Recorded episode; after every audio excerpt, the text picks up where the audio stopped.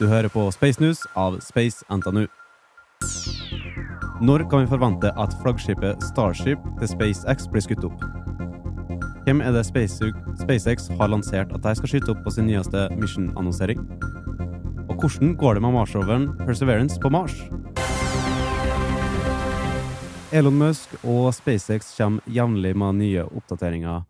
Og Jarle Steinberg, hva er det nyeste de driver og bygger på med nå i Texas? De fleste har jo fått med seg hvordan de bygger nå en helt vanvittig stor rakett kalt Starship, hvor de bare kjøper store metallplater som er opptil en meter i høyde, og så ruller de dem ut, klipper dem opp og sveiser dem sammen midt ute i sumpen ved kysten i Texas. Faktisk bare et par hundre meter fra grensen til Mexico. Så setter de dem sammen til en kjempestor trykktank som er i to steg, da kalt boosteren og Starship Second Stage, hvor boosteren er ca. 70 cm høy Nei, unnskyld, meter.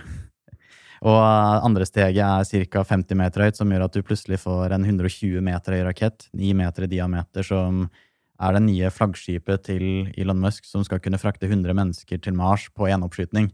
Som er en ganske sånn stor revolusjonering med ca. 100-150 tonn i nyttelast per oppskytning, Som kommer til å sette hele industrien veldig på hodet. Ja, ikke sant? Ja. Jeg kan se for meg 70 cm hadde blitt litt for lite der. yes, Men du Jarle, eh, det er jo mye forventninger knyttet til eh, den på en måte første Starship-oppskytingen som skal eh, i ordentlig sånn bane. da. Og når tror du den kommer til å skje? Det er et spørsmål veldig mange stiller seg veldig ofte. Nå er jo siste oppskyting som skjedde SN15, som var 6. mai, hvor de skjøt opp en, en mindre prototype, hvor de fløy den et par kilometer opp, og så landa den rett ned, og det gikk noenlunde vellykket. Så nå skal de på en måte gå i bane, prøve å skyte den fra Texas og gå hele veien rundt jorda prøve å lande igjen utenfor Hawaii. Og da er det veldig stor spenning. Når skal dette skje? Og da er det ene det at de venter på det å få det som kalles en environmental report fra FFA, som sjekker at du har på en måte alle godkjenningene i orden, og det at raketten ikke kommer til å forårsake noen miljøskader under oppskyting, under byggingen rundt, og eventuelt hvis noe skulle gå galt, da, som mm, gjør at de mm. blant annet tar og setter headset på seler og simulerer sant, ja. lyden av en oppskyting for å se om selene blir påvirket av at en rakett plutselig kommer til å bli skutt opp i nærområdet, og de fikk eh, mange tusen, opptil 19 eh, 000 kommentarer fra offentligheten på hva de synes om hele den oppskytingen, og at dette skulle skje. Og da har de sagt at de kommer til å måtte vente en del lenger med å komme med en eh, offisiell tilbakemelding, som nå er forventet i slutten av mars. I tillegg så klarte SpaceX å antageligvis glemme at det å ha kjempestore trykktanker for å bevare alt dette drivstoffet, som i SpaceX tilfellet her er metan og oksygen, kommer med en del reguleringer. Så de bare bygde selv, som på en måte rakettdeler, trykkfarmer, hvor de hadde tenkt å lage drivstoffet, men de satte de altfor tett og rett ved en offentlig vei. Ja, ok. Uten noe gjerder eller egentlig sånn noe som helst, som på en måte ville gjort at du bare lagde en kjempestor bombe som de hadde tenkt å fylle på på en public strand. Ikke sant? Så da um, har man også sett at de plutselig har begynt å flytte rundt ganske mye på disse tankene og begynne å sette opp en del gjerder, og antageligvis må gjøre en ganske sånn stor infrastruktur. Så det kan kanskje ta at det vil ta helt til august til vi ser oppskytingen, bare basert på at antageligvis har glemt det at det å lagre veldig mye gass kommer med egne reguleringer. Det ble jo nylig annonsert at uh, nytt uh, SpaceX-mission, Jale. Uh, kan du fortelle meg litt hva det går ut på? Så nå kom nettopp uh, Ice, Jared Isaacman ut og sa at han har tenkt å fortsette å kjøpe oppskytninger hos SpaceX. Han launchet nå nylig den fulle første private oppskytningen med astronauter med SpaceX, hvor fire på en måte totalt privatpersoner ble skutt opp. Da var det Jared Hell som kjøpte oppskytningen, og den ene plasten ble loddet ut på en helt åpen uh, utlodning for de som støtta et uh, sykehus som håndterer eh, kreftsyke barn i USA, og de andre ble på en måte også innenfor gitte vilkår gitt relativt tilfeldig. Så han har betalt oppskytningen for tre stykker tidligere og ble med selv opp i fjor. Og nå har han da tenkt å fortsette å gjøre det samme, hvor han har tenkt å gå enda lenger og dra enda lenger enn det noe menneske har vært i i lav jordomløpsbane før på den fulle private oppskytingen som man nå betaler med fire andre, tre andre. Mm. Men du, hvem, eh, måte, hvem, er det som egentlig skal delta på den oppskytningen? oppskytingen? Det blir han selv som har betalt det. Han ble rik da han på en måte lagde en betalingsløsning, litt som Elon Musk gjorde, som da han lagde Ja, PayPal. Så har han lagd noe som heter Shift eh, 4, som også på en måte er langt bak i banksystemet. Ingen Mm, som vet mm, hvordan det fungerer. Men han har i hvert fall tjent seg enormt rik på noe som eh, alle bruker uten at noen vet om det. Nok til å skyte seg selv opp til verdensrommet. Nok til å skyte seg selv opp. Og da, da har han med seg tre andre ansatte hos SpaceX, for dette er en veldig sånn teknisk tur. Den forrige det var på en måte veldig mye lettere, mens nå har de mange større objectives, og dette missionet skal gjøre betraktelig mye mer. Så da har han med seg på en måte veldig fullt kompetente folk, blant annet hun ene som er ansvarlig for astronauttrening hos SpaceX, hun andre er ansvarlig for det å drive med medical checkups, og han siste var eh, mission commander for eh, Inspiration 4-missionet, som var det som Jared gjennomførte i fjor. Mm. Mm. Eh, man eh, må da utvikle mye nytt for å gjennomføre dette missionet her, eller?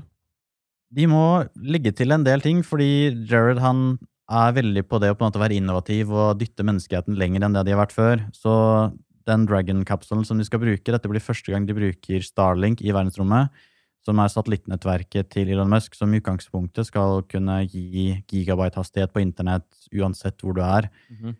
Um, og det blir første gang dette på en måte brukes i verdensrommet, så det er knytta en del spenning til det. I tillegg så har de tenkt å prøve å gjennomføre en spacewalk, som vil si at de skal gå ut av kapselen, eller en av dem, og tilbringe tid utenfor, og da også gjøre noen eh, eksperimenter. For det er noe helt nytt, med tanke på at eh, det er vanligvis veldig gjennomførte mission fra enten russerne eller amerikanerne som har blitt gjort, altså NASA og sånn, da, som Mm. har gjort sånne type ting. Det ble aldri gjort tidligere. Det, tidligere har det bare vært statene, og da på en måte Ja, har det vært sant. det å bygge romstasjoner som har vært tilfellet for da både russerne og amerikanerne. Ja, ikke sant?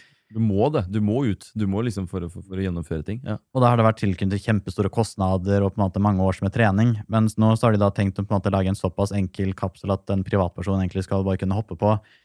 Og da ta på seg en ny romdrakt, som nå SpaceX designer, fordi den de har, den er bare tiltenkt å på en måte innendørs bruk, kan man si. ja, ok. Mm. Det vil si at trykket holdes på, men den er ikke på en måte bygd for å holde ut temperaturen. Og på en måte hvis på en måte kapselen eksploderer i verdensrommet, så er det antageligvis fucked uansett. Ja, uansett Ja. hva som skjer. Ja, ikke Mens sant? den her skal kunne tåle faktisk vakuum og 200 minusgrader og opptil 150 varmegrader og på en måte faktisk tåle verdensrommet. da. Mm. Da må de lage en helt egen ny romdrakt, og i SpaceX sin stil så prøver de alltid å få det til å se veldig bra ut i tillegg. Og da er det ofte veldig mye kostnader tilknyttet det. Jeg, jeg har sett litt på det her, for det er det klassiske som du tenker fra månemissionen. Så er det Ja. så stor, hvit og bulky, mens det er sånn bitte små blå, søte drakter, liksom. Ja, det er en drakt som faktisk ser relativt bra ut i denne typen stil. Det Mm. er, uh, SpaceX gjør veldig mye for show, og betaler også helt enormt mye for at det skal se bra ut. Det er jo markedsføring på sitt beste når det gjelder det der, og de vil, de, de vil jo gjøre det veldig fint. ikke sant? Det er sånn Mm. futuristisk stil. Her skal det ikke bare være praktisk som russer. Russerne tenker jo alltid praktisk, det er ikke så farlig. ikke sant? Hvorfor skal man eh, finne opp hjulet på nytt når du kan gjøre det veldig enkelt? Og det gjør det betraktelig mye billigere, for det er ganske billig å lage noe som ser bra ut. Det er ganske billig å lage noe som fungerer bra, men det er enormt dyrt som lager noe som både ser bra ut og fungerer. Altså, Marsroveren Perseverance den ble skutt opp i sommeren 2020, og den landa nå i februar i fjor. Eh, og hvordan går det med den nå? Det går veldig, veldig bra. De har begynt å kjøre relativt langt denne konteksten med veldig mange kilometer og gjort veldig mange analyser og veldig mye science. De har nå krysset over 200 000 bilder som de har tatt i løpet av et år, som er en helt enorm mengde med bilder sett i denne konteksten hvor du er på en annen planet, og dokumentert altså virkelig tusenvis av steiner, og også begynt å gjøre en del boringer. De boret nå nylig i en stor stein som viste seg å være veldig porøs, som gjorde at det begynte å sette seg fast små biter med stein inne i tubesystemene til roveren, som gjorde at de brukte en par uker på å prøve å flytte løs steinen. Ja, ok. Men eh, nå er de tilbake back on track og gjør eh, veldig mye ny, viktig vitenskap. Mm. Men sånn eh, generelt sett, planene videre for Mars der, hva, hva, hvordan ligger de an? Det er veldig spennende, spesielt opp mot Perseverance, fordi den kjører nå rundt og på en måte kapsler inn veldig mye forskjellige steiner og materialer den syns er spennende, og legger de fra seg på bakken.